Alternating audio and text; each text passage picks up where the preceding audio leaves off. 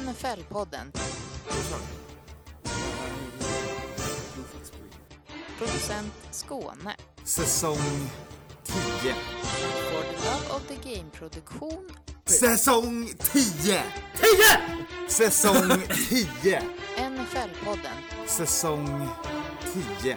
And for the Love of the Game-produktion. NFL-podden. Producent Skåne. Så, så, så, sådär. Då var jag tillbaka. Det här är podden med Anton och bara Anton. Eh, vi har Skåne och Matte med också. Jag tog mig en, en stabil sejour. Stack iväg till eh, onämnda ställen eh, för att eh, jobba lite på annan plats. Eh, men nu är jag tillbaka i podden och jag missade Super Bowl. Vad hände hörni? Har du varit borta så länge? Ja, Jag har inte heller varit med i podden sedan dess. i det var en match i alla fall. Eh, Ja. Det var mycket poäng. Eh, Det var lite så. Vissa säger att det var halkig plan, men ett, laget, eh, ett lag de halkade inte så mycket. Så ah, du vet, det kommer alltid vara de som säger att det ena laget var... Det är synd, Synd att, eh, synd att Kalle inte är här nu, men eh, ja, det betyder väl att jag, jag vann Pick'em 2022 va? Det här. Ja, det gjorde du. Att, att, alltså Jag tror det. inte, inte att han inte är med så betyder det att du vann, utan han har ju i två poddar sagt att du har vunnit. Så att jag tänker också att han är så lite trött på att säga det. Ja, bra, utan men då kan jag ta över och börja säga det från mig nu. Väldigt mycket och ofta. Det är sant, du vann. Det tog, det tog dig tio år att vinna. Ja, det är bättre än, laget jag, bättre än laget jag håller på. Ja, Mm. Ja det, det, det är bättre. Man brukar jämföra med att säga så här. Ja, han har 14 sovrum eller 14 badrum och det är mer matcher än han har vunnit. Ja, Jag ja. har fler rum i lägenheten än vunna Pick'em-ligor. Ja, det stämmer. Ja, All right, hörni. Mm. ska vi riva av det här. Starta igång det här 28 avsnittet på den tionde säsongen. Vi är inne i off-season mode på NFL-podden, så vi myser, vi kör varannan vecka och vi börjar med lite kalendarium. Vi kikar in på kalendern helt enkelt. Mm. Och vi kan konstatera att eh, mellan nu och nästa avsnitt vi spelar in, som kommer om ungefär två veckor, så har vi väl en 10 Pro Days, men framförallt så har vi den 15 mars. Och vad händer då? Då är det ju eh, gott nytt år höll jag på att säga, men då är det ju ligastart. Eh, så då är det, börjar det ju nya året och fram tills dess så får man ju knepa och knåpa bäst man vill på sin kammare för att få ner eh, sin cap space. Så det är ju viktigt ehm, innan man börjar signa nya härliga spelare och liknande. Ehm, så det är ju en sak. Och sen så är det ju det att de flesta kontrakt och sådana saker brukar ju kicka in från den 15. Så då är det ju viktigt att spelare man inte vill betala, de är det viktigt också att man gör sig av. Eh, om man äger ett lag, tänker jag, eller GM eller sådär. Mm. Och då kommer vi även vara förbi den så kallade tampering-perioden, när man får börja smygsnacka med lite folk man är sugen på att signa, för då Mm. börjar också Free Agency Frenzy. Så vi firar det nya året med ja, NFLs mest härliga och spännande eh, vecka, kan man väl säga. Ja, det är ju minst sagt fyrverkerier. Det är I alla fall sån här, off-seasonens roligaste vecka. Ja, det är en huggsexa som börjar direkt liksom med jag ska ha det här och det här och det här och sånt. Ja, Men ni älskar ju verkligen den här uh, off-season och allting som pågår. Det här är liksom eran prime. ja, ja, det här är därför jag kollar på fotboll. Ja, när, när en annan bara njuter av att sia om matcherna efter- under säsongen. Det här är Men det här är ju perfekt, det är ju därför du har blivit XFL-fantast nu. Ja, och jag sitter och stirrar på Combine i tio timmar och kollar på folk springa 40s och hoppa. liksom. Ja. ja. Men det är ju liksom, jag har ju alltid gillat att, att eh, kolla. Jag brukar ju, jag tycker det är väldigt gött att man kan gå tillbaka och kolla combine också. Så, här, så kan man kolla lite matchtape och sen så kan man kolla igen och göra sådär. Det brukar jag göra.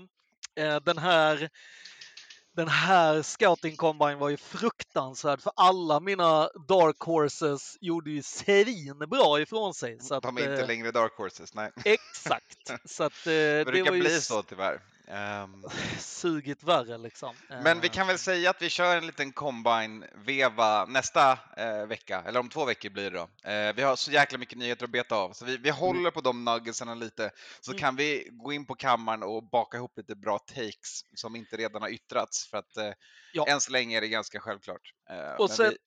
Ja, nej men jag håller med dig. Och sen så tänkte jag bara så här när, när folk eh, kanske har blivit råpeppade på eh, NFL Combine och har suttit och tagit tid själv och allt möjligt så, så, så är det viktigt att det inte skvalpar över på Pro Days.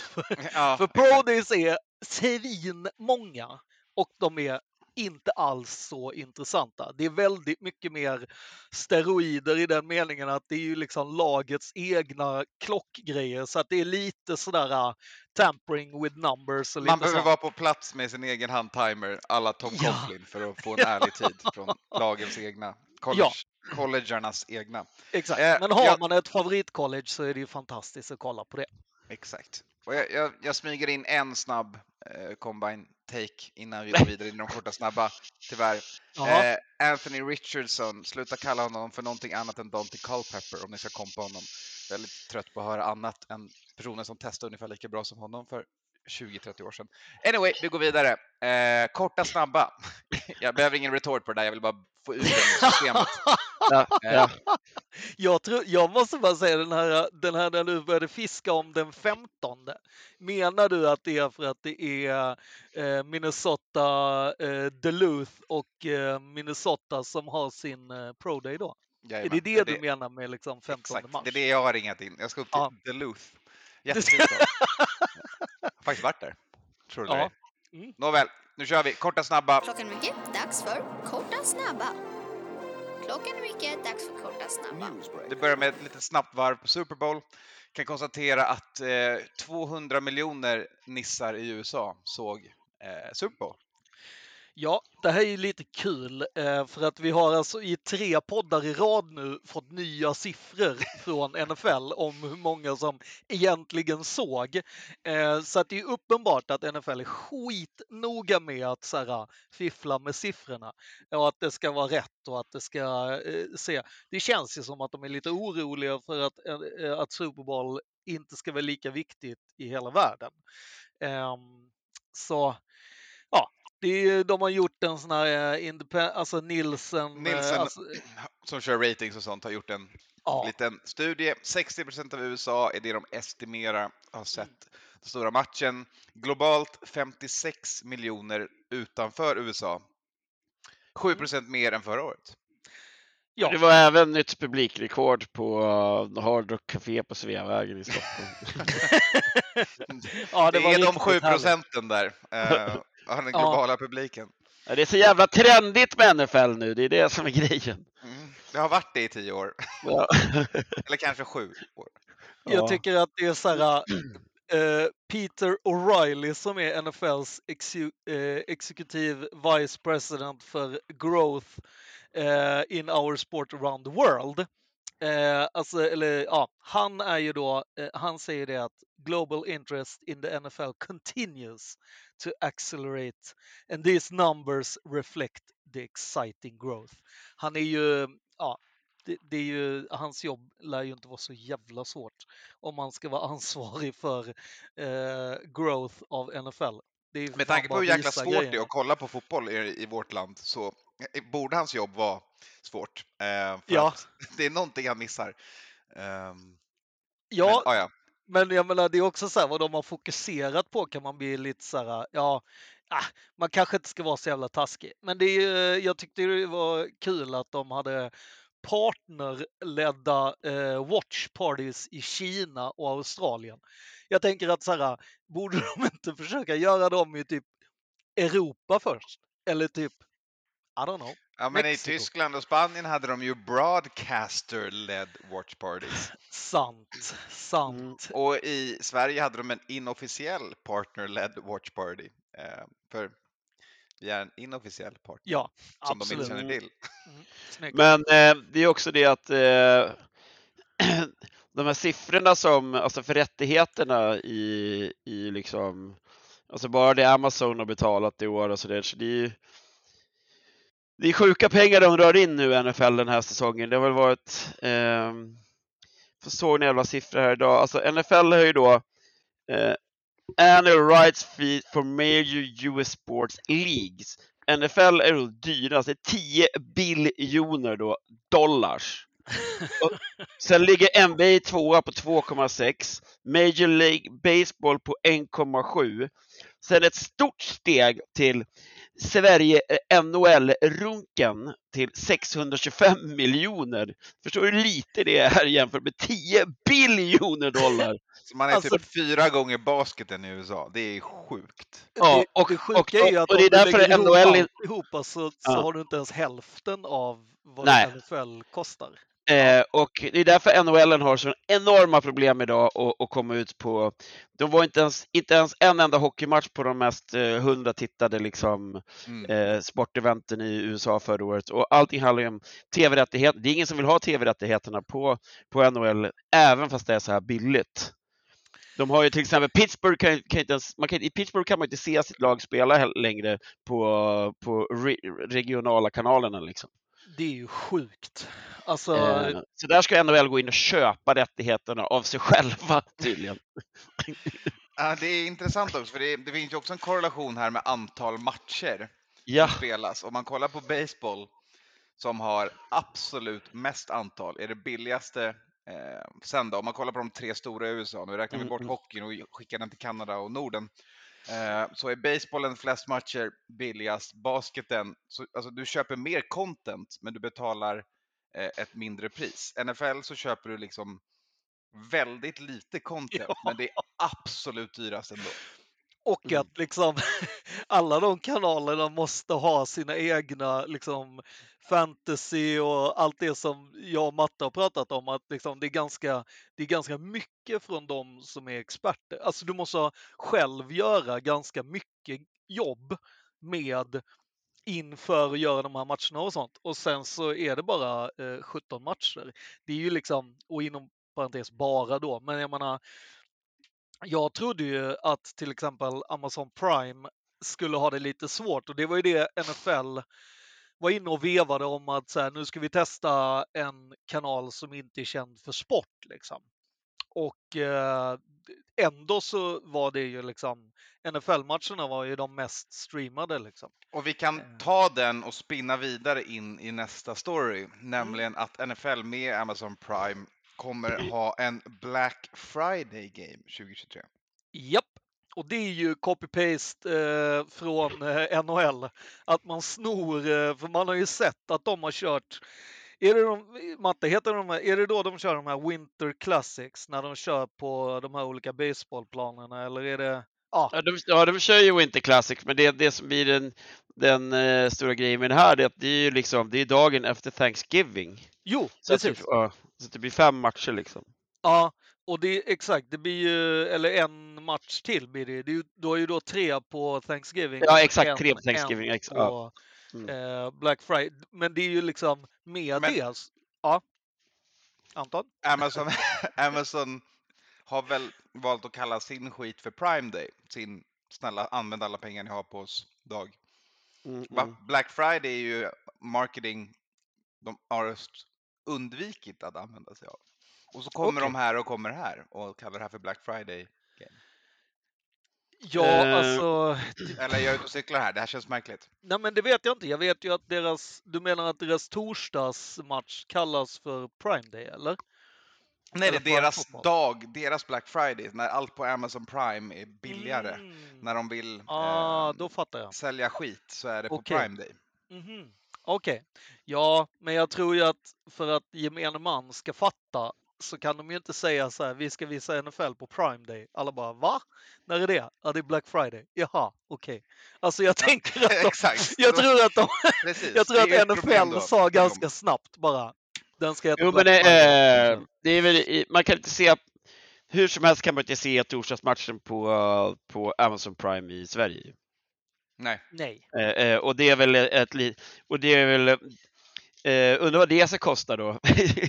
Ja, för, att, man- för att man inte bara ska ha, alltså, köpa in sig på de där rättigheterna, men det kan jag tycka är lite, lite snålt ändå att de inte låter Amazon Prime kunna sända en eh, livesänd sportmatch då på, till sina abonnenter Ja, om man vill komma ut i världen. Det är ju en jävla gateway in att folk ska börja köpa Game Pass. Ja, Eh, om de hade brytt sig om det som produkt, men det gör Men de det inte. just den här matchen, Black Friday, kommer vara eh, den som de har eh, utanför eh, betalvägg.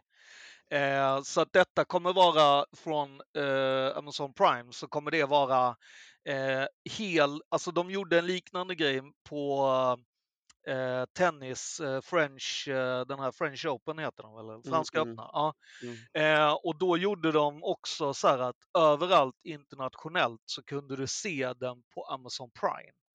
Men du kunde liksom bara se den där, men den var inte bakom betalvägg.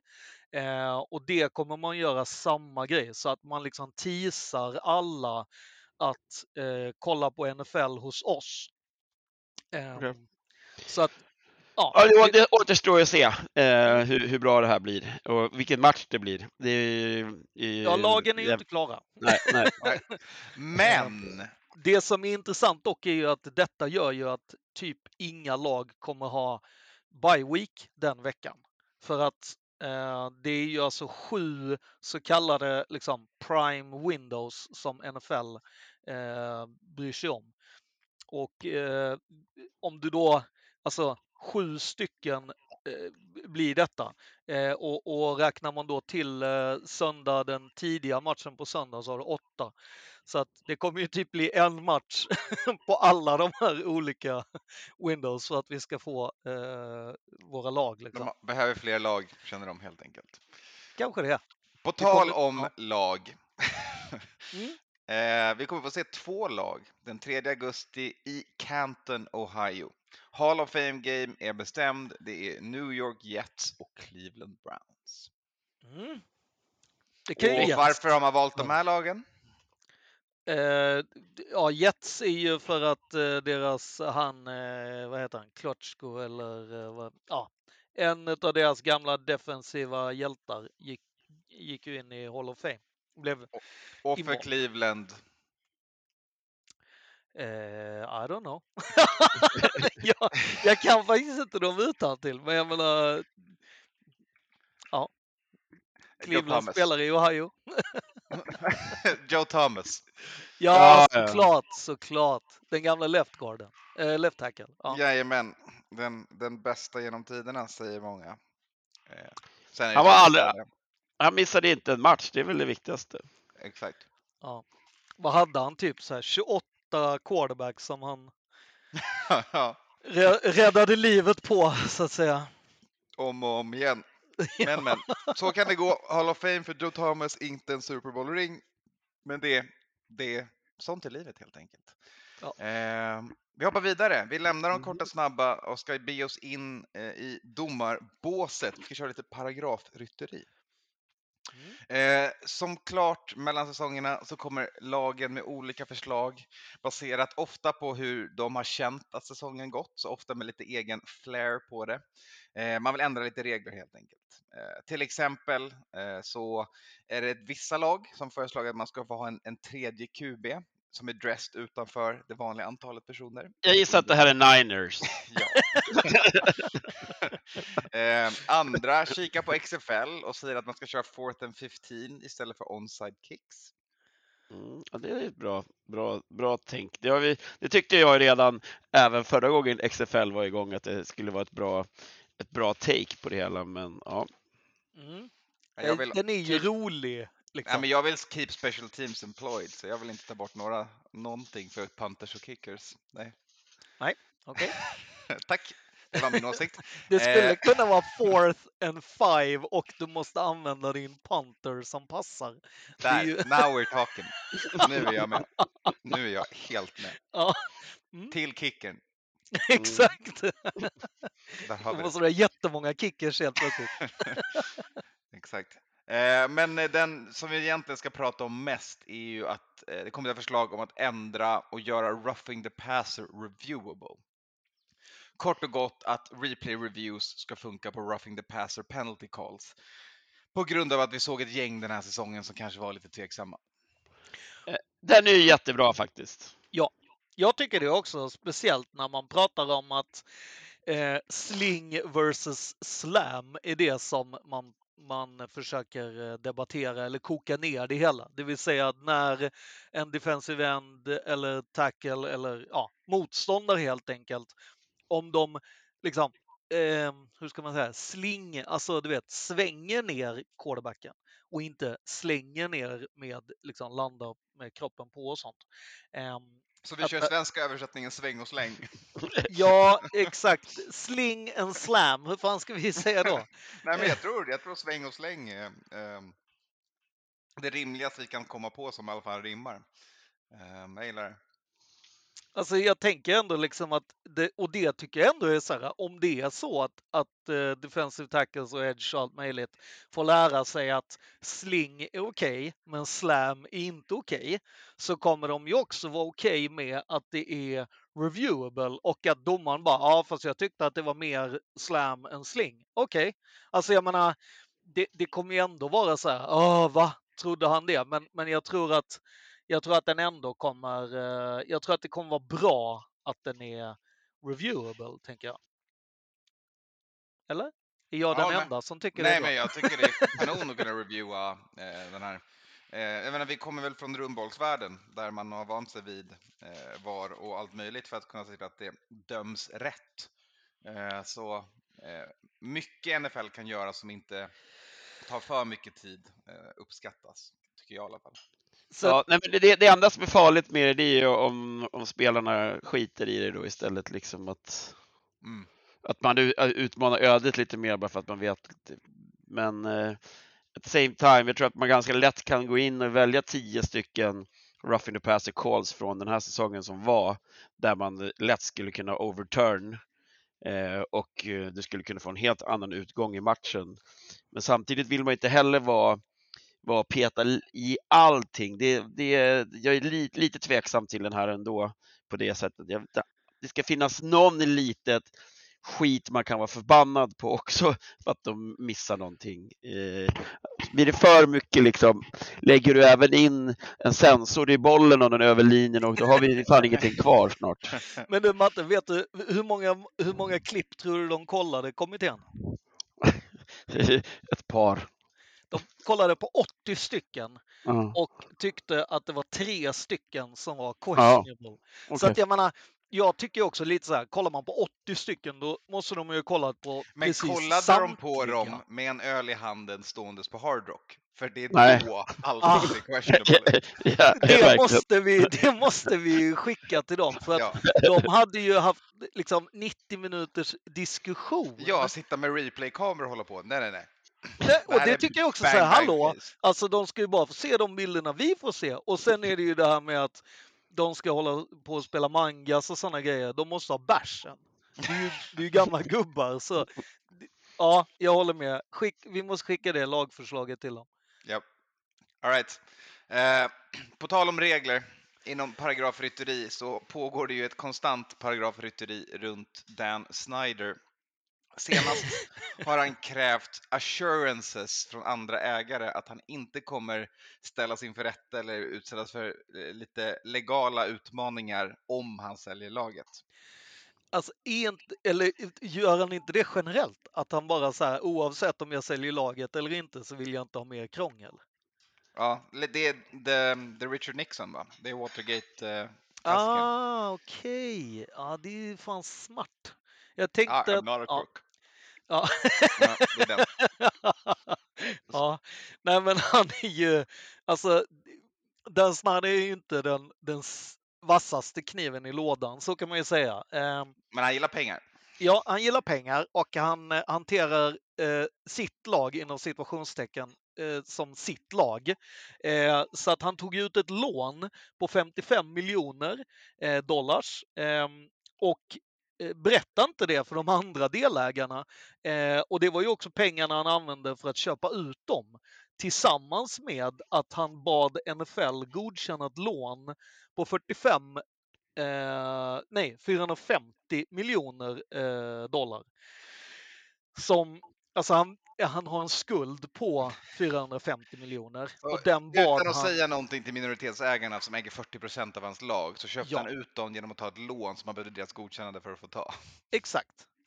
Och det är ju lite småfult kan man ju säga. Cook Eh, and the books. Ja, och eh, det var ju liksom, det var ju en grej som eh, House Committee eh, slog ju fram, eller slog ju liksom det här eh, fasta att det- han skapar en eh, culture of fear och hans liksom hålla på med ekonomin var inte jättefin och ja. Så Ja. att det är lite, det är det är ju även alltså de här minoritetsägarna då som ägde 40 procent. De var ju de som sa att de hade ju krävt att Dan Snyder skulle köpas ut. Eh, och det var då han tog ut lånet och köpte ut dem istället. Så att, Det sjukaste är ju ändå att trots allt det här så blev Washington Commanders rankade 31 av NF NFLPAs undersökning där spelarna fick svara på vad man tyckte om strength staff, food, hur ens släkt och vänner behandlades och allting. Det var alltså ett lag som folk ansåg var sämre på att ta hand om spelarna och deras familjer och hur allting är. Där de fått rate allt från training staff till equipment till omklädningsrum till ja. arenan och allt. Vet du vilka det är?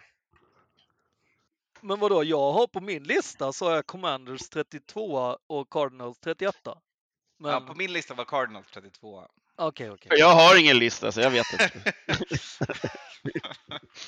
Men den... Eh, det, Men vi vet båda vilka som var etta på den listan. Ja, det var Vikings. De hade Jajamän. bara A Super och Bowl A+. var trevliga! Ja. Sen tyckte jag, det var ju, det, man ser ju lite så här, Vikings ny arena, Dolphins ny arena, Raiders ny arena. Så Så är det ju. Det, det var ju ganska liksom, för det är ju också Dolphins nya, arena är inte så jäkla ny. Nej, men alltså training facilities och så. Ja, ja, ja. ja Så att det är ju ja. det som är det Mm. nya liksom. Mm, mm. Och sen så, ja. Eh, Vad hittar vi Patriots då? De är på Borde vara 15 ungefär. 12 plats. Ja, det borde vara där någonstans. Det är, det är, alltså det är ju, Foxborough ligger ju far out. Eh, De, de var väldigt bra på eh, treatment of families. De var sämre på mat. Där har de D. Och sen weight Mhm. room var eh, B. Och eh, strength coaches var A. Eh, och sen eh, training room B minus. Eh, training staff eh, B. Locker room A ja, kör inte igenom hela grejen nu. Alltså. Nej men jag tänker bara så du vet så att du inte... Jag vill bara ge dig Patriots, så du vet Ja. hur bra de är. Vi eh, kan lägga upp det här på, på Instagram. En, en, en, slide för alla lag så vi kan alla gå in och kolla. Jag tänker så här, Vi tar på internet. Därför, ja, jag tänker mig att du som älskar Jets, de, de hade väldigt mycket C plus och C minus. Eh, ditt Ja. favoritlag. Ja, det, det hade jag räknat med. All right. Då hoppar vi vidare hörni. Vi lämnar paragrafryttandet och hoppar in i tack för kaffet. Tack för kaffet. Tack för kaffet. Thank you for listening. För det är ett gäng personer som vi inte kommer få se antingen nästa år eller som har lämnat eh, NFL-världen och världen. Eh, vi börjar med eh, Leslie Frazier, eh, Bills defensiva koordinator. Nu lät det väldigt melankoliskt när jag gick Mm. in så här. Eh, Leslie tar ett, ett paus, oh, ett års paus från coachande. det var allt. Ja, Eh, alltså han... han det är inget som har eh, hänt med Leslie. Leslie lever, Leslie mår bra. Han tar ett års Leslie paus. mår bra, men han lackar nog på att han inte har blivit NFL eh, head coach med tanke på att han har jobbat jävligt mycket med defense och sen ändå får bära någon form av hundhuvud eh, när eh, Josh Allen eh, inte kan vinna. Så Ja, tolkar han jag också den bära hundhuvud i Vikings 2010-2013. I slutet där så var han tyvärr inte så omtyckt i sin headcoaching-roll. Supersnäll, men hans defense hade slutat funka. Sen löste han det och det funkar skitbra för Bills. Så att, ja, han förtjänar Ja. en till chans. Ja, det tycker jag verkligen. Men han ska ju då eh, helt enkelt eh, fokusera på ja, men det han behöver göra för att bli en eh, head coach-kandidat. Ja, nog om Leslie. Matte gillar inte Bills. Vi hoppar vidare till Eagles. eh, Dennard Wilson eh, har sagt upp sig från laget efter att han inte fick rollen som defensiv koordinator. Vem det gick till tar vi upp lite senare. Eh, men eh, i och med det så eh, har de avslutat kontraktet. Ja.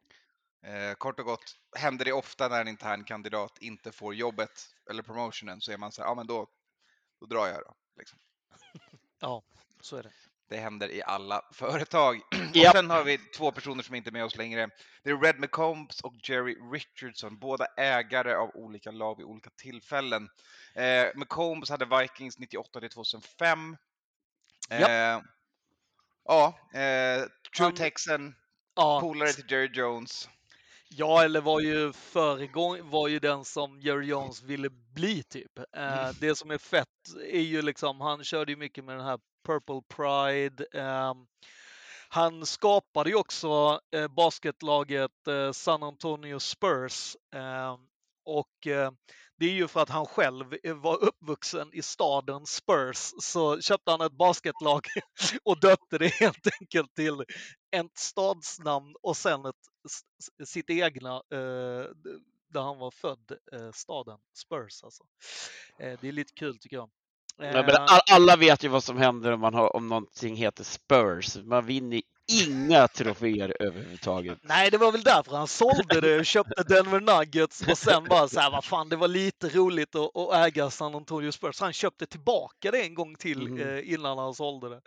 Eh, men han är ju en sån här, en, en stor eh, Texas-gubbe. University of Texas har ju sin business school uppkallad efter han och ja, men en rad eh, massa. Han har ju ja, sina döttrar eh, är ju i Hans ena dot- dotter, eh, Connie McNabb, hon äger ju Live Nation. Mm. Ett företag Det som går i familjen känner sådana till. Ett litet företag. ett hyfsat litet företag. Så vill ni ha tips om ni vill äga företag, det föds in i rätt familj. Eh, 95 år gammal lämnade Reds oss Ja. eh, i sitt hem i San Antonio. Jerry Richardson skapade Carolina Panthers eh, och var en väldigt inflytelse, inflytelserik ägare under sin tid. 86 år gammal avled han i sitt hem.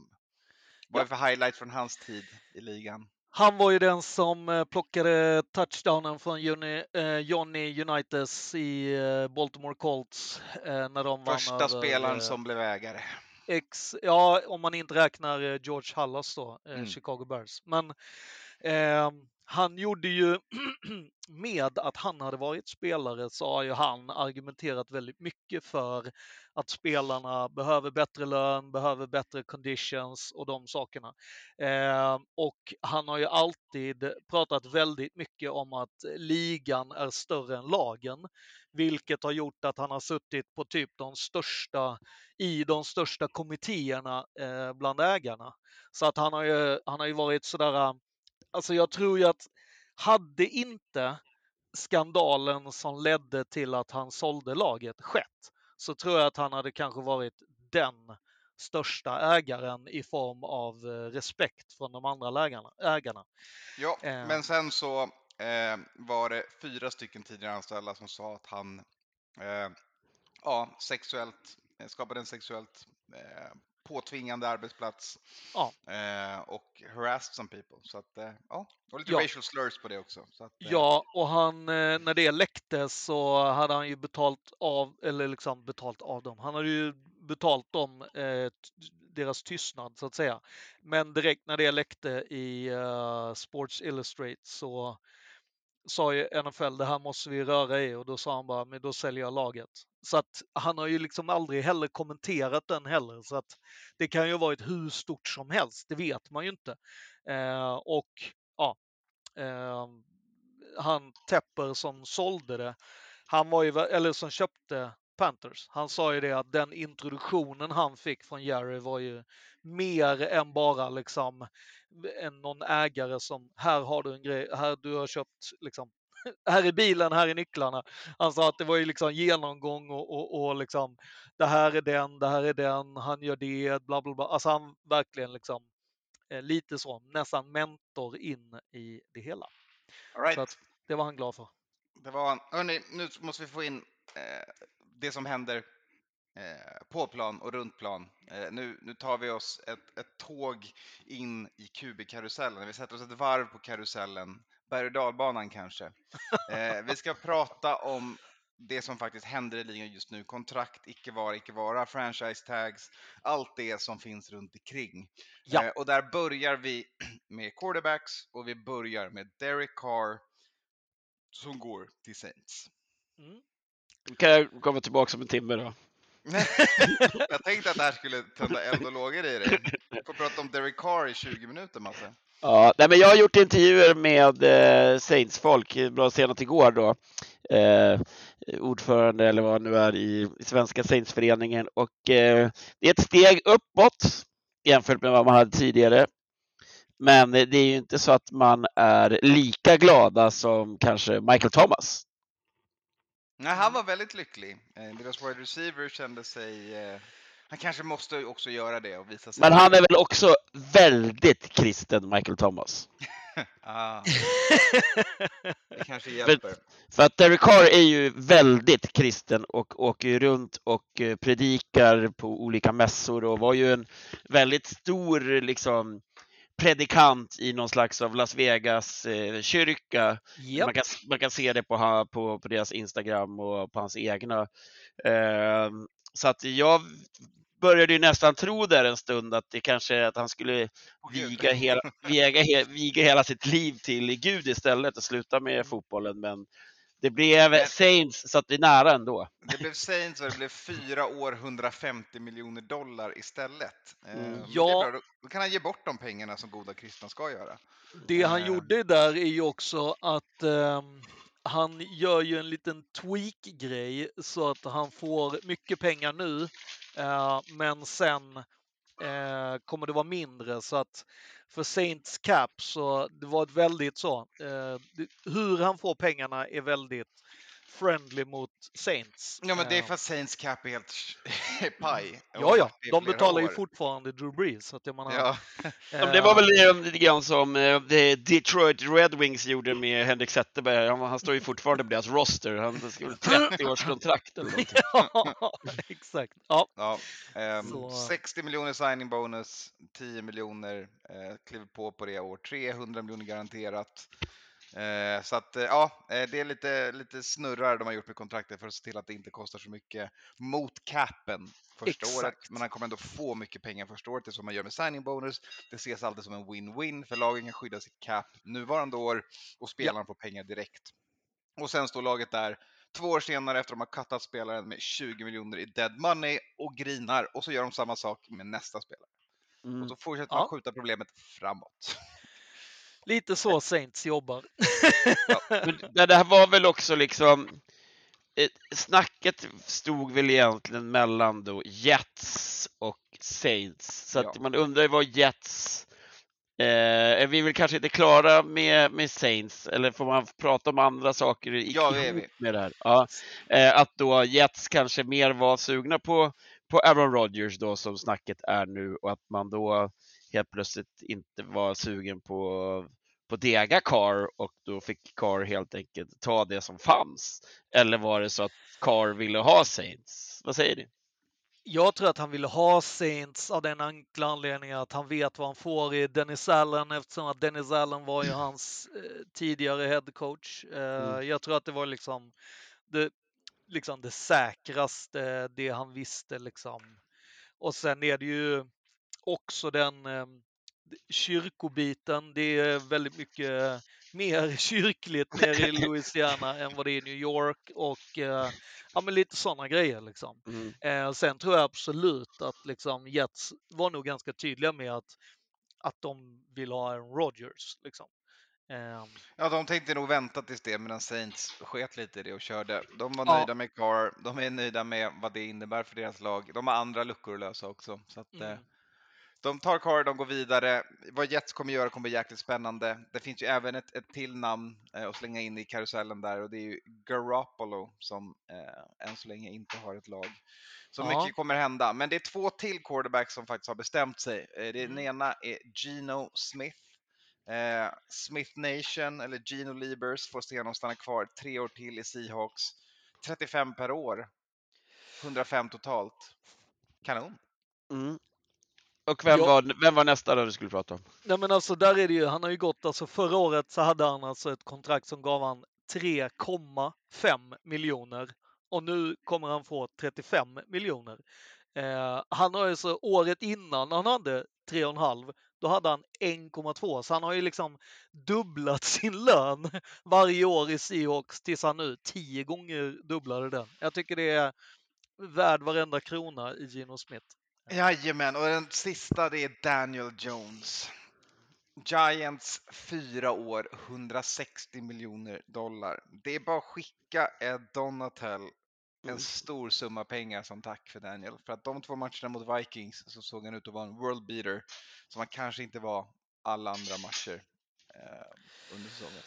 Men det var väl lite, lite så med Gino Smith också. Han hade åtta, alltså halva säsongen var bra, sen på slutet var han ju pissdålig. Eh, För då hade, då, upp, då hade ju folk lärt sig hur han spelade. Men eh, han är ju såklart tio gånger bättre än vad han var året innan och då ska han väl ha en sån löneförhöjning. Men, men, men vad, vad ska vi göra med Lamar Jackson då? Ja, Det, Mm. det är en, en Det är också- lång harang. Det är också ett namn. ja. Det är Han det. kommer ju lite senare bara eh, Ja. eftersom att han har blivit taggad. Eh, Ja. ja. Ja, vi kommer till Lamar Jackson-konversationen, för där har jag jag anar ugglor i mössan och har teorier, men det kommer vi Mm. till. Gud vad Eh, roligt. Jag kan konstatera att jag tyckte att Gino var bra andra halvan av året, men det vet alla att jag tycker, för jag tycker om Gino. Eh, så att vi går vidare. Jag tycker Daniel Jones är överbetald och sen så eh, konstaterar vi att Aaron Rodgers får Packers till oss att prata med andra lag. Gud vad snällt. Jag tycker också att Derek Carr är överbetald, vill jag bara Mm. lägga till. Nu flög, då flög de ju över eh, the, big, the big guys, the big guns från, eh, från Jets eh, till Rogers här nu. Så att nu har Ja. de ju möte så att nu är det ju, Flög nu är de det till ju på honom riktigt. till Rogers i Kalifornien på hans Mm. fyra day, four day darkness retreat. Han sitter i mörkret, eller är det Nej, till han har ju kommit ut från mörkret vet du, så att Mm. de flög dit han var, Han träffade ut, alltså. han och sen eh, hade ett väldigt bra samtal och var ett bla bla, var jättenöjda, åkte tillbaka och när de gick ut från planet så kom ju folk rap- olika reporters och journalister och frågade och då sa de bara ja, vi har sagt vad vi vill, nu ligger bollen hos Aaron.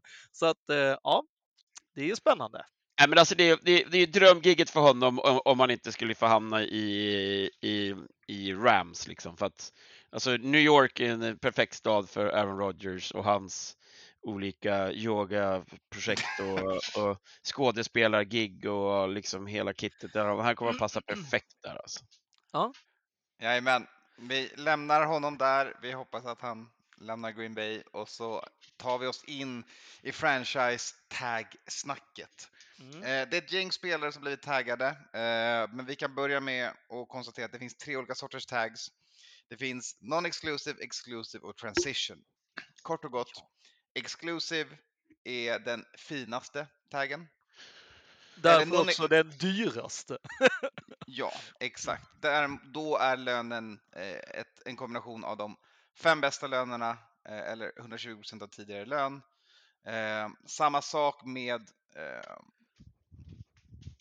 vilken är jag på? Ex- Non- Non-exclusive, Ja. exakt. Eh, där kan ett annat lag då, som i Lamar Jacksons fall, så kan ett lag säga Hörni Baltimore, ni får två ettor och vi signar Lamar. Men Baltimore får en chans att matcha det kontraktet och sen nej till två first round picks. Eh, Ja, Det var ett krångligt sätt att förklara det på, men det är det men som det är ju med lönen så är det ju alltså, då är det ju eh, de fem bästa lönerna under de fem senaste åren. Eh, så att det gör ju att lönen blir ju lägre. Medan på exklusivt så är det det här året, liksom det senaste året och ehm, de fem bästa då. Så att Då det blir det högre. också ja, kostar, exakt. I Lamars fall så var det en skillnad på typ 13-14 miljoner. Eh, Ja, vilket är peanuts egentligen eh, från Ravens, tycker jag. Så att jag tycker det är märkligt att man ens bjuder upp till dans. Alltså vem Ja. vill inte betala två stycken first rounds för Lamar. Liksom. Jag tycker den är jättekonstig.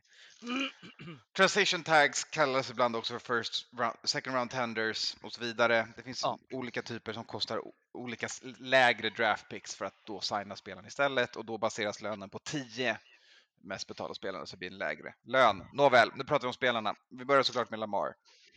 Mm. Ravens väljer alltså en non-exclusive tag, det vill säga att andra lag får förhandla med Lamar eh, och Ravens kan få en chans att matcha deras erbjudanden och om de inte gör det får de två first round picks istället. Eh, det är ju en indikation på att man är rätt klar med Lamar. Ja, det är så. Det är helt rätt. Men här kommer, på med foliehatten. Ja, Eh, sen direkt när det här sker så får vi fem, sex, sju olika lag som direkt går ut och säger att de inte är intresserade eh, av Lamar Jackson. Och inte liksom, det är inte Kansas som bara, nej, vi har Mahomes, utan det är lag som borde behöva ha en quarterback eh, som direkt går ut och säger det här. Och då finns det två camps med teorier. Det ena är att lag är trötta på vad Ravens håller på med och inte vill förhandla åt dem eftersom Ravens bara kan matcha erbjudandet sen. Så de säger så här, vi, vi fattar vad ni håller på med, förhandla själva med Lamar, vi kommer inte hjälpa er att göra förhandlingen. Ja. Och det andra campet är collusion. Att Mm. eh, lagen inte vill hjälpa till att en quarterback får ett fully guaranteed contract och därför väljer att inte eh, försöka eh, negotiata med Lamar. Och så får man välja vilket läge man står i om man tror på den här teorin. Mm. Jag, s- i- ingenstans, inget av dem. Mm. Tråkigt. Jag får gav dig bara två alternativ. Jag tänker liksom så här att jag menar vad fan Titans borde väl vara sugna på Lamar eller liksom ta Colts eller liksom alltså. Jag Jag tänker, kan nämna typ 26 lag som borde vara intresserade. Mm. jo men, men jag tänker men så Tit- här, Titans sitter väl och snurrar lite grann med sin egen running back där också som Mm. vi pra- kanske ska prata om också när det kommer till tags och sådär. Eller? Ja, eller han blir ju inte taggad utan de Nej. väljer att shoppa honom istället. Så ja. Och däremot så har Mm. de ju pratat om att de vill trada. Alltså det är mycket snack om liksom. Men jag tror ju, jag tror ju mycket, alltså. Jag, det skulle liksom inte förvåna mig om det, det finns ju gott om lag som vill skjuta från höften och ägare som kan ju vara starstruck och allt möjligt liksom med Lamar. Så att det ska bli väldigt intressant att eh, jag tror inte så jävla mycket på att eh, alltså det här med att, alltså att lag går ut och säger vi ska minsann inte ha, alltså jag lägger lika mycket vikt vid det. Men det är så att, märkligt att behöva gå ut och säga det. Att så här, Ja, men- vi är inte intresserade. Gör men det- inget bara. Håll käften bara då. Ja men det är ju som att Seattle efter att de hade signat Gene gick ut och var tvungna att säga att det finns en möjlighet att vi kommer drafta en quarterback. Alltså det är ju hela den här säsongen är ju full fylld Lies av- och icke-nyheter. Som att säga vi är inte intresserade. Det är ju egentligen så här, vi är intresserade men vi sitter mest här och tittar men jag på. köper lite att andra lag är trötta på vad Ravens håller på med här och att de Mm. vägrar komma till kritan själva. Och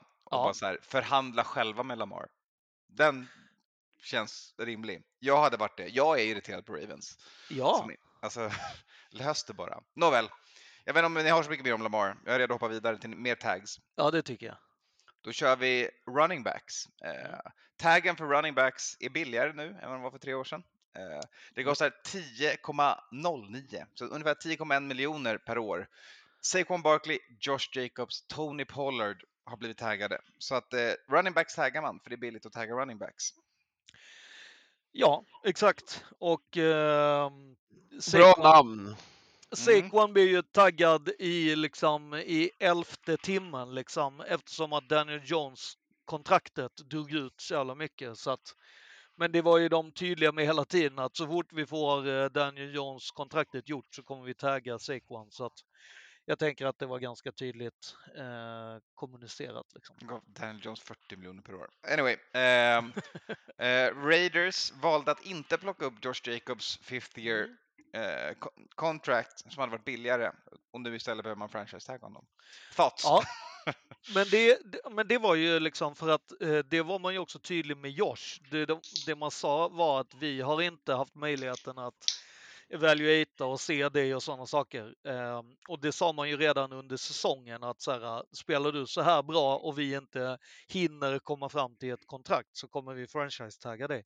Så att det, var man ju, det var ju också en sån här, han visste om det och laget vill ju hitta en uh, långtidslösning med han. Vill man det då? För ingen signar running backs på lång tid. De, Ja, deras tag är så mindre här- pengar, running backs får mindre pengar år för år. Vill någon signa en running back? Jag tror att man vill signa han på tre år. Det är ändå klassat som långtidskontrakt. Mm.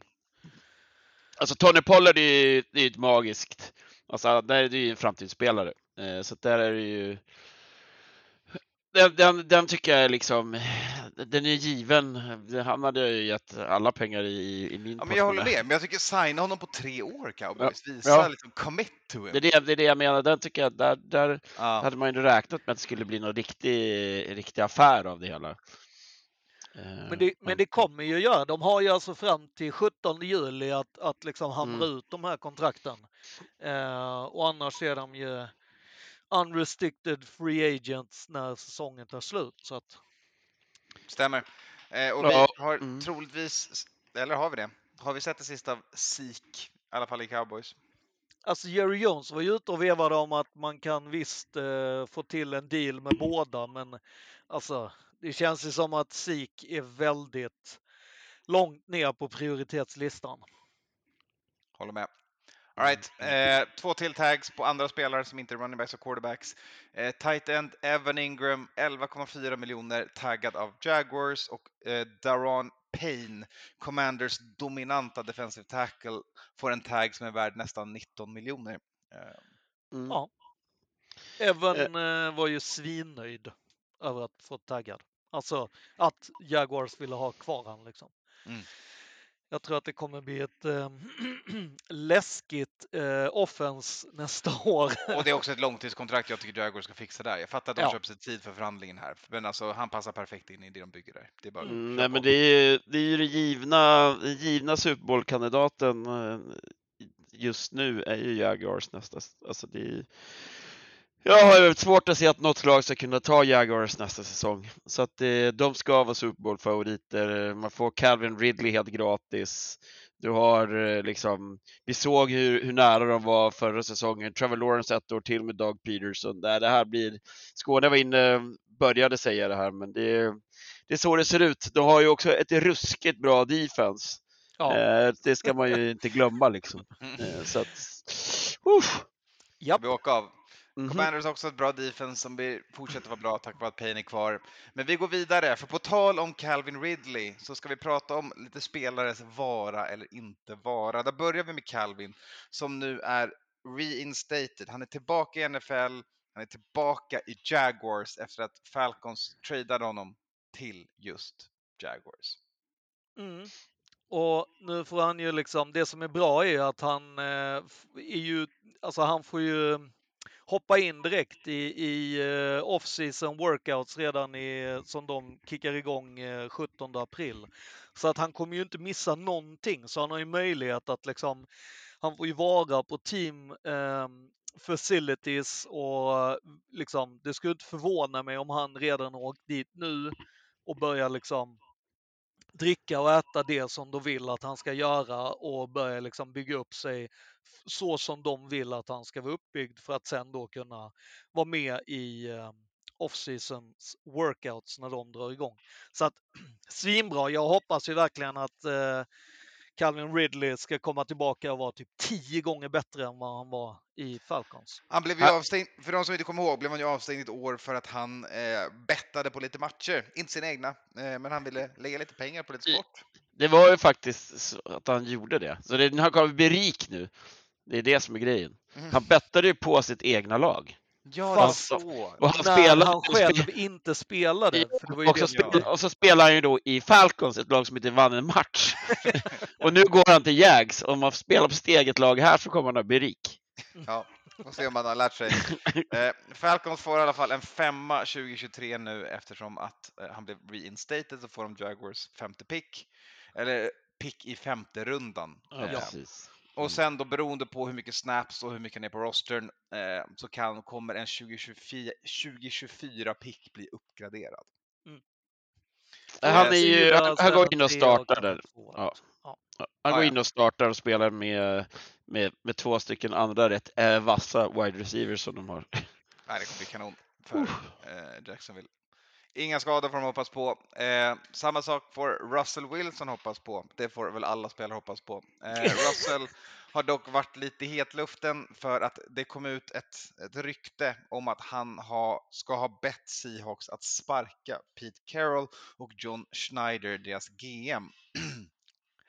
och det här då kopplat till att varför han ganska illa kvickt lämnade Seahawks för att gå till Broncos. Eh, Wilson har varit ute och dementerat det här på Twitter.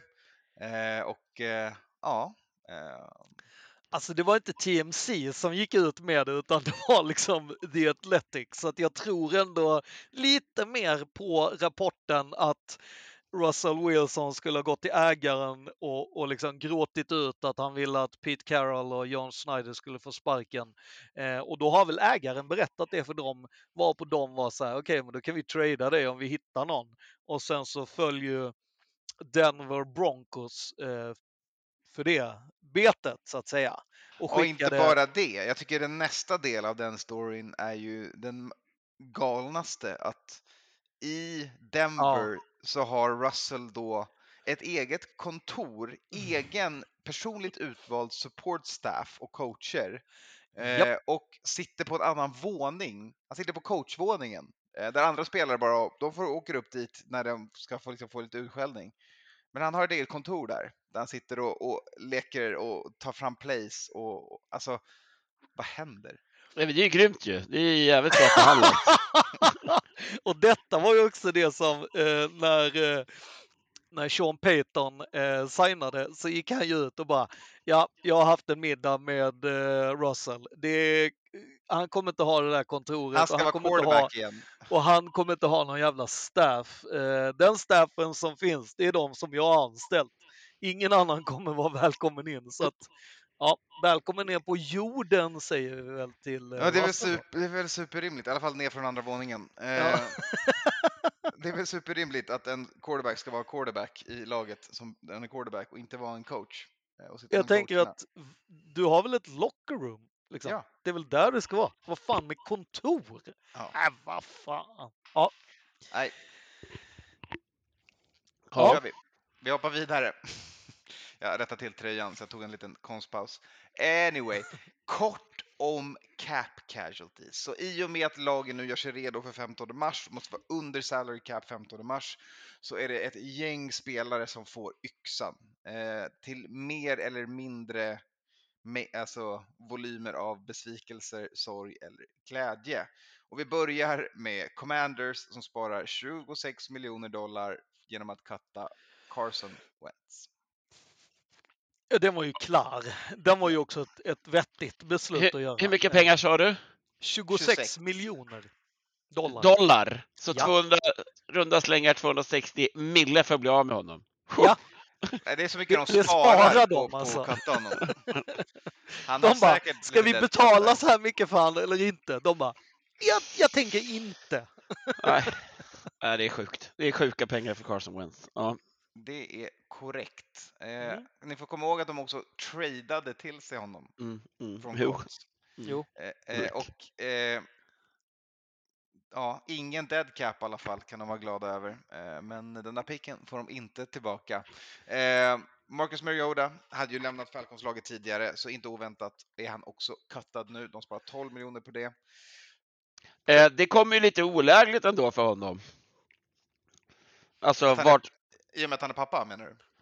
ja, dels det men också att han är en av stjärnorna i Netflix, Netflix-serien liksom. Ja. Den där vi ska få följa Kirk Cousins och några andra. Mm. Ja, Kirk Cousins och Mahomes och, och Det är de. Mariota. Det är det, är Kirk, det är. Kirk Cousins det här handlar om. Det kommer vara the awkward Olympics att kolla på Kirk Cousins. jag tänker att det enda de kommer ha filmat han är när han provar olika kedjor. Liksom. Så här, Oj, vad tung den här var. Men ja, nej, men det, det snackade vi om i förra podden eh, om, om det. Jag, alltså, jag tror ju att det är rätt fett att de får se, alltså att man får se Marcus Mariotas del. Att det inte bara är liksom Patrick Mahomes som är någon form av... Ja, fast det handlar ju mer om att det är mic'd up. Alltså, det handlar inte så mycket. Det här är inte, det är, som, som jag fattar det, är det inte, det är ju inte så här hard knocks. Det är inte eh, kalla fakta. Utan Nej, det är mer liksom... det är mer matchsituationer och, Ja. och, och, och snack liksom. Än, Det är än både Mm. på och vid sidan av planen. Så Ja. det är lika mycket av planen det som är vanliga livet och sen eh, på. Men ja, de har ju mic'd up hela, men eh, Mm. det har vi ju som sagt avhandlat i tidigare poddar för våra Mm. kära lyssnare som inte vill höra om det igen.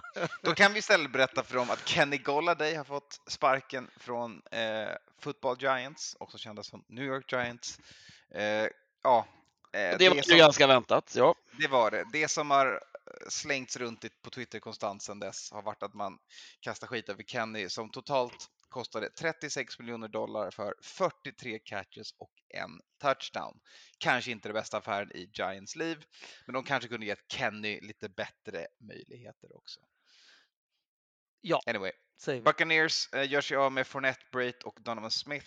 Eh, sparar i runda slängar 20 miljoner eh, på det, lämnar lite dead cap bakom sig också. Fournette hade bett om att bli cuttad, men de gör sig också av med sin tight end och sin left tackle. Jag Ja. flyttar hem till Jacksonville.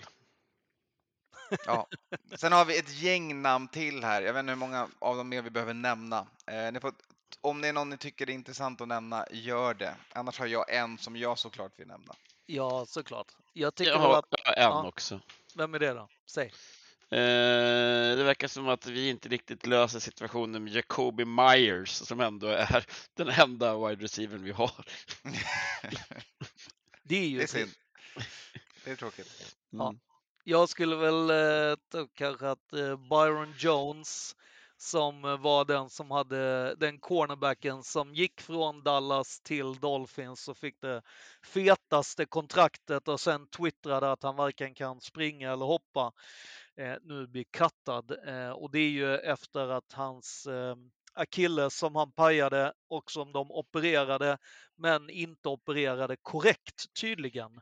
Eh, Så att det är ju, snacka om att gå från toppen till botten ganska snabbt. Liksom. Ja, för jävligt. Man ser någon, någon gång med några års mellanrum är det någon spelares karriär som blir cut short av en dåligt utförd operation. Och inte för Ja. att säga att det är lätt att göra surgery. Eh, misstag sker i alla yrken där människor är involverade, men det är tråkigt att se det hända. Just det, vi har väl en eh, Frank Clark från Kansas. Det är Japp. sant. Eh, är det är hy- hyfsat namn ändå. Som, Det är ju De har- hyfsat namn. Det är 8 ju, miljoner dead cap, 21 miljoner sparar de. Frank Clark är fortfarande ung. Man glömmer det när man tänker på Frankie. Jag tänker att han är en, en gammal trotjänare, men nej, han är, han är Var inte det- ens 30 än, va? var en sack ifrån eh, NFL-rekord om man hade haft en till i Super Bowl. Alltså det, var ju några löj, alltså det är några löjliga siffror på honom his, historiskt också. han har ju också två eh, Super Bowl-ringar och... Eh, Och är 29. Ja. Mm. nej, det, det är ju... Man misslyckades ju att eh, signa han. Det är ju det är inget annat än ett misslyckande från Kansas City. För att i början, alltså direkt efter Super Bowl så sa man jo, jo, vi ska signa han eh, och, och det här ska vi fixa. Och sen att man inte ens franchise-taggar han. Alltså, jag, nej, jag tycker det är så märkligt alltså. Mm. Eh, Taggen är dock dyr för Edges.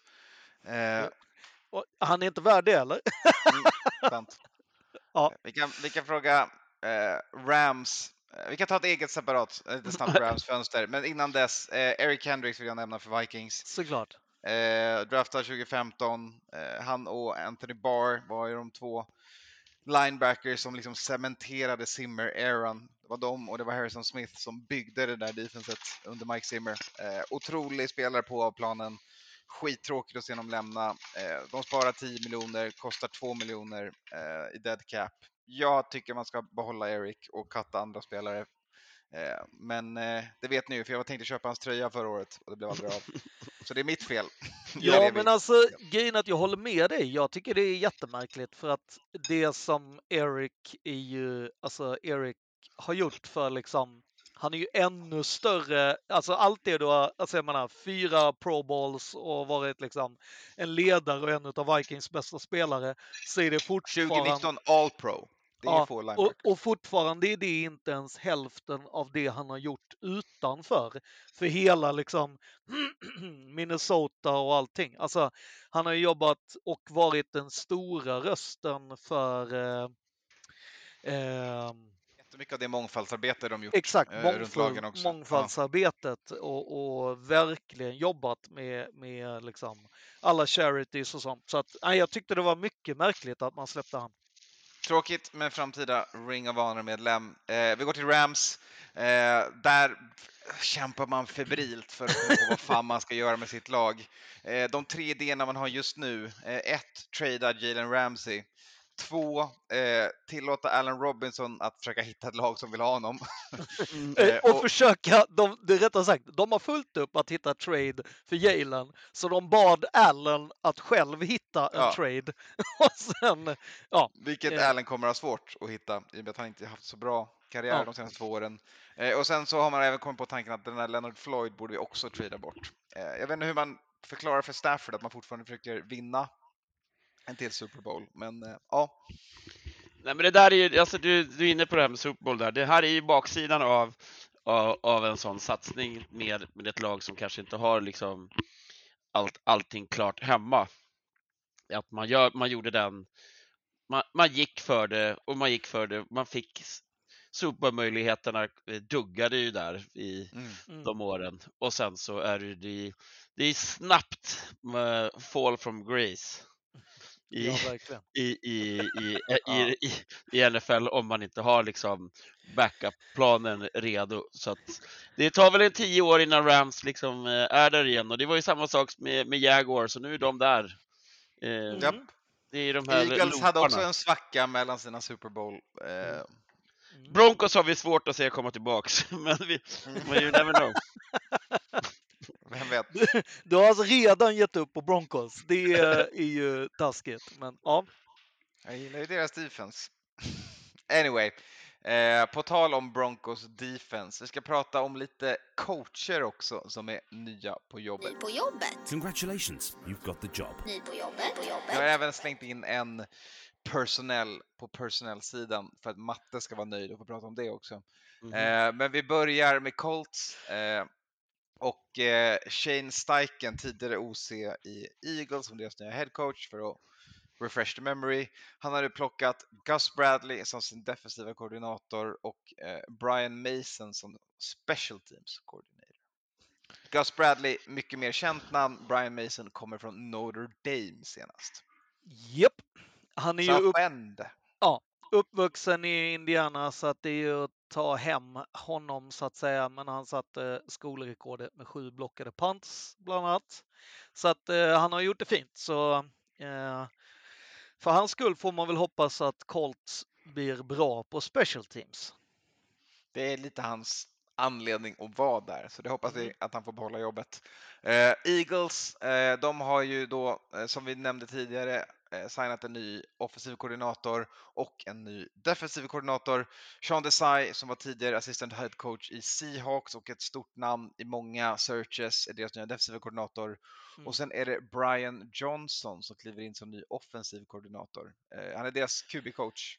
Eh, Precis. vad- Han, han var ju det och var runt hos massa andra lag eh, för att bli OC. Men eh, när då OCn stack så kom han hem och sa jag kan vara OC här om ni vill istället. Ja, exakt. Och det var ju då eh, Sean. Desai som fick jobbet, som fick deras passing game coordinator. Eh, Att säga adios. Exakt. exakt. Ja. Eh, Det kom ju en nyhet precis om Dr. Rush också till Ravens. Oj oj, är det något du vill utveckla? out- outside linebacker coach för Ravens. Den eh, gamla klassiska Chuck Dr. Rush Smith. Falcons former standout. New outside linebackers coach. Stora Ja, nyheter. Jag, jag försökte hålla det här på OCDC-nivån, OCD Ja. Special Teams Coordinator-nivån, för att när vi börjar gå in på att så här, Greg Benuski, nej, då tappar Nej. vi dem. Ja. Ehm, Men Browns, eh, Bubba Ventrone blir deras nya special teams coach efter att de sparkat Mike Prefer. Eh, och sen så är det väl lite kul för mig, så jag, jag ljög. Jag slänger in saker jag tycker är kul också. Bill Musgrave kliver in som deras offens- offensive assistant. Han har också Vikings erfarenhet tillsammans med Stefanski eh, från Exakt. tidigt 2000-tal. Och det var ju det som, eh, det är ganska mycket sån eh, Vikings, för att eh, förra podden som du kanske inte har lyssnat på så är det ju så att ehm, den nya John, Jonathan Gannon i ehm, Cardinals, han har, också ju, Vikings koppling. ja, Yes. han har ju byggt hela sin stab efter Vikings, alltså sin tid i Vikings. Där han det är har Mike tagit, Zimmer, Aaron. Ja, där han har tagit liksom eh, sin, både OC och DC är ju från hur eh, de träffades i Vikings. Och det är ju genomgående ganska mycket det som man kollar liksom längre ner i, i andra lag också. Mycket, alltså det är coacher från, eh, alltså i Broncos till exempel så, så tar man eh, Där hittar man ju eh, George Patton som eh, GM som också har Vikings-kopplingar. Så man kan väl Exakt. kort och gott säga att meritokratin, meritokratin i NFL är död som vanligt. Och man anställer de man känner. Eh, Ja. Det är lite så det funkar. eller de man har jobbat med och, då är det ju inte så konstigt att eh, Ben eh, Kotvika, heter han det? Kotvica? Eller Kotvika? Ja, som är Vikings tidigare assistant special team coach. Han är numera Broncos nya special team coach. Jajamän. ja. Broncos hittar vi också Joe Lombardi som blir offensiv koordinator. Sjukt att han fortfarande kan hitta jobb. Eh, Vance Joseph kliver in och blir deras nya defensiva koordinator. Ja, ni känner igen namnet Vance Joseph. Han var tidigare head coach i Broncos. Japp. Och han eh, plockar även han in eh, Greg Minuski, före detta Vikings inside linebacker coach. Eh, men det är ju inte så konstigt. Jag menar, det är ju så att inside linebackers har ni haft jävligt bra. Det är inte så konstigt att han vill ha honom. Eh, det som vi inte pratade om i podden förra veckan, eller för, förra, eller alltså förra programmet då, eller förra podden, var ju att när Commanders anställde Erik Bieniemy så som deras nya OC så gjorde man även honom till assistant head coach. Och, Och han fick löneökning kanske ni sa. ja, löneökningen tog vi upp, eller Mm. Kalle tog upp den. Mm. Men jag tror ju att detta är ett move från eh, Jason Wright och eh, general manager Martin Mayu att, att kunna gå från Ron Rivera till Eric Bieniemy liksom seamless. Liksom. Ja, nej, men verkligen. Han, kommer Ja. vara, han är era parent. Eh, Jag tror ju liksom att det kommer vara så att det typ kommer vara eh, lite så som Buccaneers gjorde. Att till och med att Ron Rivera kommer vara kvar på staben som någon sån här defensive senior assistant typ. Tänker jag liksom. Eh, och sen så är det ju inte så konstigt att Kansas City går tillbaka till eh, Matt Nagy. Eh, och där är det ju lite roligt för de som eh, tycker att, men var det inte Bieniemy som tog över efter Nagy? Jo, så var det. När eh, Nagy stack till, Be- eh, till Bears så tog eh, Erik Bieniemy över eh, OC-rollen i KC.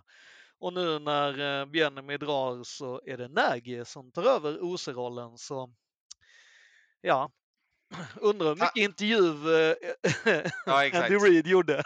Vi kan konstatera att tid är, tiden är en platt cirkel och att Panthers har anställt Adrian Wilson som ny VP of Player Personnel. All right. Snyggt! Spelar och coachnyheterna klara. Har vi missat något? Har vi någonting som har hänt på Twitter senaste? Eller ska vi hoppa in i Crime Watch för att sedan avsluta med en liten snäll FL för att lyfta stämningen efter vi nu kommer dra ner stämningen. Crime Watch. My advice to you is to start drinking heavily. Crime Watch. Eh, vi har väl inte missat så mycket för att det händer ju grejer hela tiden. så att vi missar Så vi tar det i nästa podd, är det du säger. Ja. Du har helt rätt. Eh, så vi hoppar in i Crime Watch. Där börjar vi med ett besök hos Alvin Kamara eh, som ju då eh, hade en, var med om en nattklubbsfight i Las Vegas. Eh, det finns video och Mm. ljud på det som hände eh, och den här altercationen. Eh, och det som händer nu är att han är indicted för det här.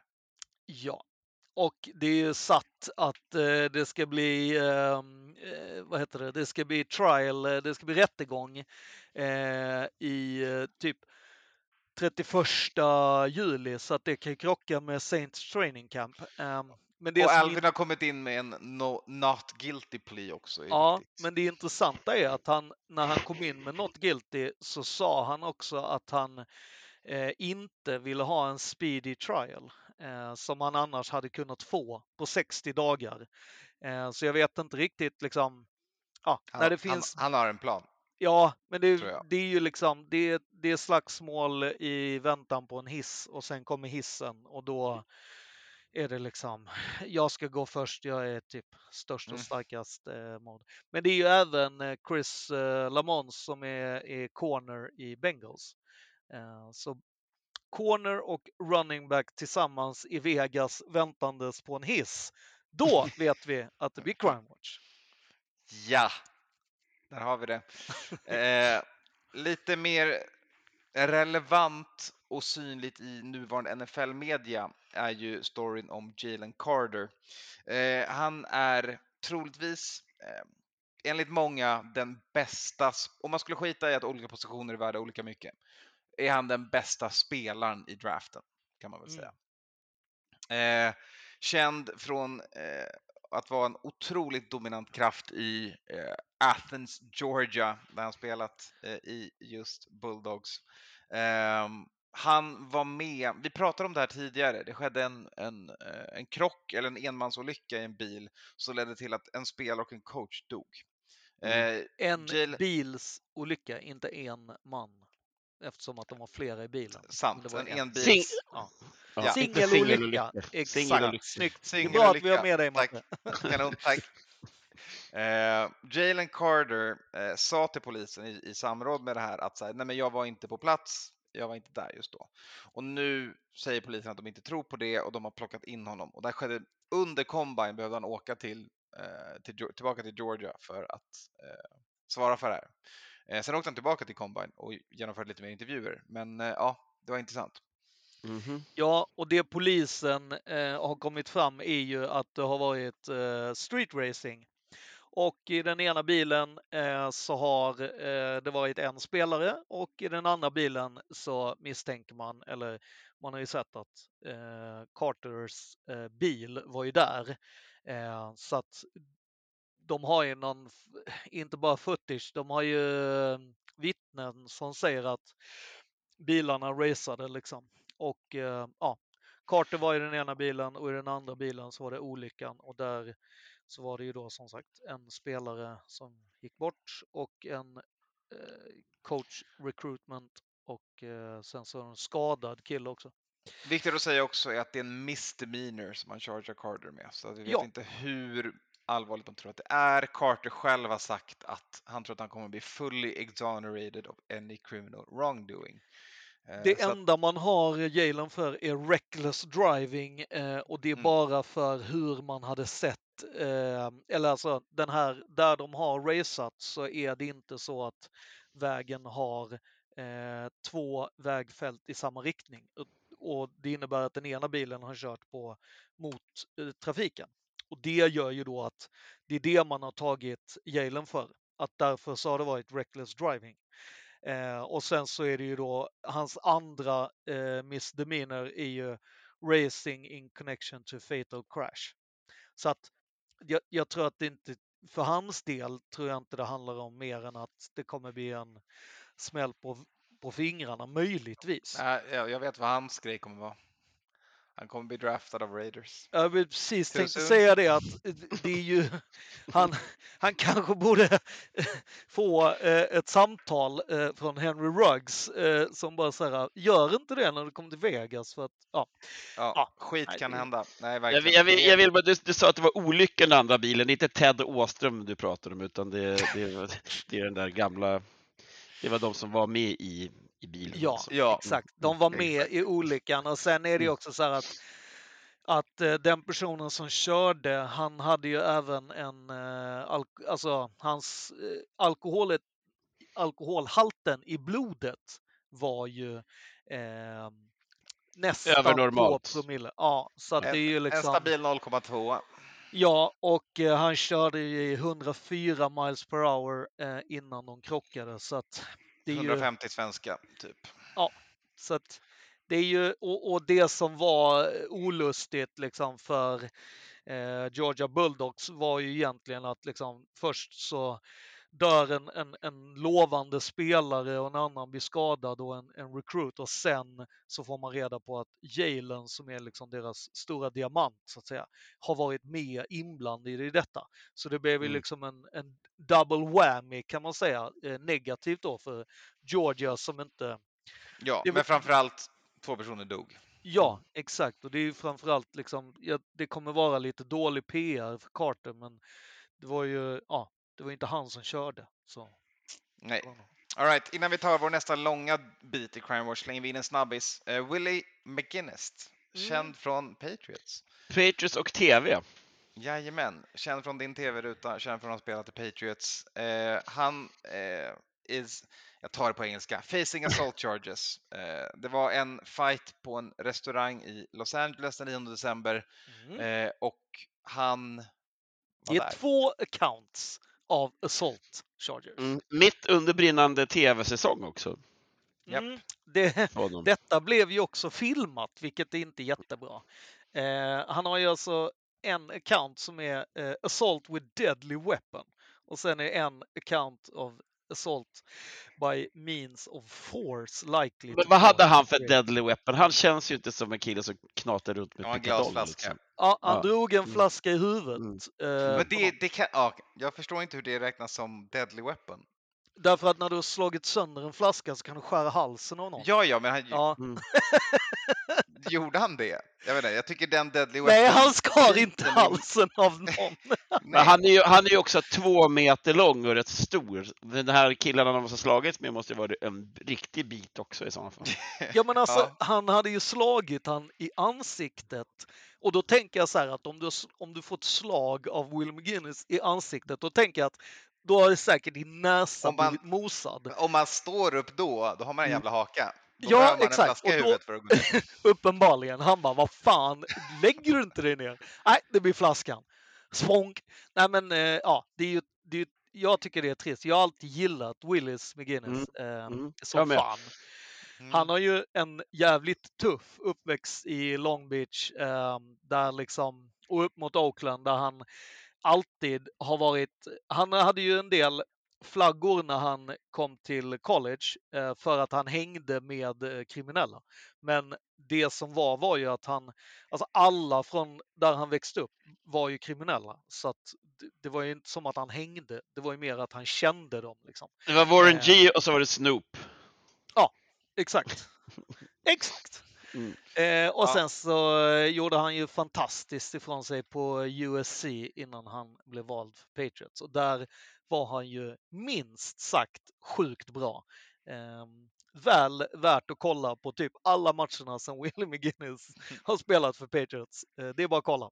Rättegången är i april i alla fall. Så kan vi Men det här, det här det känns det var ett riktigt, det var ett bar brawl med andra Ja, ord. han var med om en bar brawl. Eh, Ja. Och som den kändaste personen på plats eh, så Mm. Obviously så är det han som kommer få åka på Ja. eh, mycket fokus. Eh, Ja, right.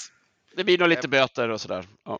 Ja. Ja. Eh, På tal om fokus, eh, Brian Flores har ju varit i fokus eh, i ett år nu, är det va? Eh, sen Mm. han, eh, ungefär ett år, sedan han stämde NFL eh, för hur de hanterade honom som head coach i Miami och allt vad som hände där. Vi går inte igenom allting igen, men vi kan konstatera att ett gäng av hans påståenden har kastats bort och, och, och man har sagt att det här kommer vi inte lösa i en vanlig court, en vanligt juridiskt rum. Eh, men ett gäng av hans claims, jag tror det är fyra, tre eller fyra stycken, eh, så kommer man ta vidare till eh, arbitration eller rättegång. Och i den här arbitration eh, så är det ju, hur skulle du snabbt översätta det till svenska? Det är ju en person som är typ, Förhandling kan vi Ja. säga. och där har man ju då sagt att Roger Goodell får inte vara den personen som eh, förhandlar. Det är väl Nej, det, det känns rimligt. Ja, men det, det, är ändå, det är ändå så här, rättegången och den här domaren har gått igenom sjukt mycket grejer och väldigt så här, ja, att hon tog upp till exempel att han precis hade fått jobb eh, hos Vikings som deras defensiva koordinator. Eh, att han alltså inte hade blivit eh, head coach. Eh, och sen så tog hon ju även upp eh, andra headcoaches, deras liksom, beskrivningar om olika glastak och så vidare. Jag tyckte att jag läst hela den här eh, och, och, och väldigt, jag tyckte det var väldigt bra, ja men gått igenom allting och läst tagit väldigt mycket tidigare domar i eh, Ja, men det intressanta här är ju att här, man ska komma ihåg att NFL vill ta det här till förhandling. Ja, Brian Flores NFL vill det gärna till göra det här i sin egna lilla bubbla. egen kammare. Så med Ja, förhandling och arbitration menar man, det är då man menar att så här, ja, men Godell ska sitta och bestämma vad som är rätt och fel för att det här är under liksom, eh, hans employment contract och man ska, NFL ska vara entiteten som bestämmer över det här. Eh, exakt. och det har då den här domaren sagt att nej, så ska vi inte göra i många av de här fallen. Vissa kommer vara arbitration, vissa kommer inte vara det. Men ett gäng av de här sakerna ska man ta in och faktiskt kolla på rättsligt. Ja. Och det Eh. tyckte jag var väldigt bra. Och jag tror att liksom det kommer ju komma mer eh, om det här. Och jag tänker också att det kan ju vara bra att vi när det kommer till rättegången så kommer man ju kunna ta upp de här olika punkterna som de har valt att ta upp, tänker jag. Exakt. Så att eh, ja, det, det rör sig framåt. Ja. Men jag tyckte det var jävligt bra att hon eh, Eh, var liksom It's difficult to understand how there was only one black head coach at the time when Flores filed his lawsuits. Eh, eftersom att hon bara, när det finns 70% av spelarna är afroamerikaner, hur kommer det sig att det bara är en head coach bland 32 lag? Jag menar när en domare bara så här, hallå, det här makes no sense. Liksom. Mm. Det, det Då- ser matematiskt dumt ut. E- Exakt, när hon också så här drar upp liksom bara så här, mm, det finns en lång historik av systematisk diskriminering. Alltså, det är rätt tunga ord som, eh, och jag hoppas att NFL kommer bli så jävla mycket bättre efter den här, för det känns som att det är en domare som verkligen inte vill eh, liksom förstöra NFL utan vill göra det bättre. Och det är det som jag hoppas eh, ska bli kontentan. Ja, lyfta på stenar, inte sopa under mattan. Det blir skitbra. Exakt. Exakt. Fortsätt lyft på stenar runt den där Ross så ser vi vad som händer i Miami. Vi, med det lämnar vi vår lilla Crime Watch och ska avsluta den här podden med lite goda nyheter. Vi tar oss in i snäll fäll. Mm. Eh, och där börjar vi. Eh, vi kan ta den, den lite mindre först som vi inte har pratat om tidigare. Eh, KJ Osborne, wide receiver, tre i Vikings, kanske två nästa år eller tre igen. Eh, han var med tre andra personer och räddade en man ur en brinnande bil. Ja, han slet ju eh, handgripligen ut personen ur en brinnande bil. Det är fan gutsy, måste jag säga. Det var fint. Ja, Mm. verkligen. Det var snällt. Mm. Eh, och den andra vi har, vi pratade om Peyton Hillis som på sin semester nästan dog när han räddade två barn från att drunkna i eh, Florida, Gulfen av Mexiko-området. Eh, Hillis är on the road, eller Hill, Hillis är on the road to recovery. Det är ju också hans egna barn som han Ja, det var, det, det var inte, jag trodde det var, jag har alltid trott att det var två främmande barn, vilket gjorde det ännu, ännu lite finare i mitt huvud. Men Ja. är det hans egna barn, varför pratar vi om det här? Ja, nej men exakt. Det var ju inte, det var det inte så att väntat. han höll på att Ja. dränka Ja. barnen och sen bara fuck it, jag räddar dem istället. Det, det var inte så. Eh, Men eh, ja, det, det gick i alla fall eh, vägen. Han lyckades rädda sina barn eh, och han framförallt så är det så här, han har inte velat gå ut och prata, men när folk har varit så här, kom igen snacka om det, så var han så här, ja, jag vill också framförallt tacka alla andra som hjälpte till och eh, hjälpte mina barn och allt sånt. Eh, och Men på tal om barn har vi väl en nyhet där också va? Mhm. Berätta. Philip Rivers. Har han fått ett till barn? Nej, men han ville spela, spela QB igen va? Ja, exakt. Så såg jag någonstans. Ja, han har ju Mm. hört av sig till massa lag och bara hej hej. Gå Eh, och sätt dig och var med dina barn, Filip. Det var väl Miami och Niners i alla fall. ja, exakt. Det, jag tänker att han såg så här, när, när quarterbacks går ner så satt han och räknade och bara, men vänta, nu, nu borde väl ändå jag någonstans vara aktuell. Jag tänker att det är så det har varit. Liksom. Sen Ja, han ser väl- Joe Flacco startar typ sju matcher. Då, då Exakt. han. Och att han är skittrött på att vara hemma med alla barnen. Han bara, vem fan har gjort alla de här barnen? Och bara, det är ju skitjobbigt! Bara, det är ju du. Nej, helt omöjligt.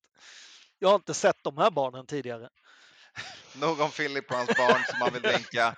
Eh, istället så ska vi konstatera att eh, efter vi har nu kommer att ha två veckor till med massor av pro days. Sen tar vi snacket om scouting combine om två veckor. Vi får se om de smyger sig in i overtime. Det kan ske, men troligtvis kommer vår overtime handla om lagen lite mer, kolla på vad vi tror och spekulera lite om Super Bowl-fönster. Så vill man hänga med oss lite mer, det blir ju så lite NFL-podden nu när det är varannan vecka. Så vill man ha lite till, då är det bara att kliva in på Patreon, signa på där och betala valfri summa per overtime som kommer. Så man väljer per avsnitt hur Mm. mycket man vill betala. Okidoki. Grattis. Säger vi så? Och så säger vi Yes. som vi alltid gör. NFL-podden. Producent Skåne. Säsong 10. For the Love of the Game-produktion. Säsong 10! 10! Säsong 10. NFL-podden. Säsong 10. And for the Love of the Game-produktion. NFL-podden. Producent Skåne.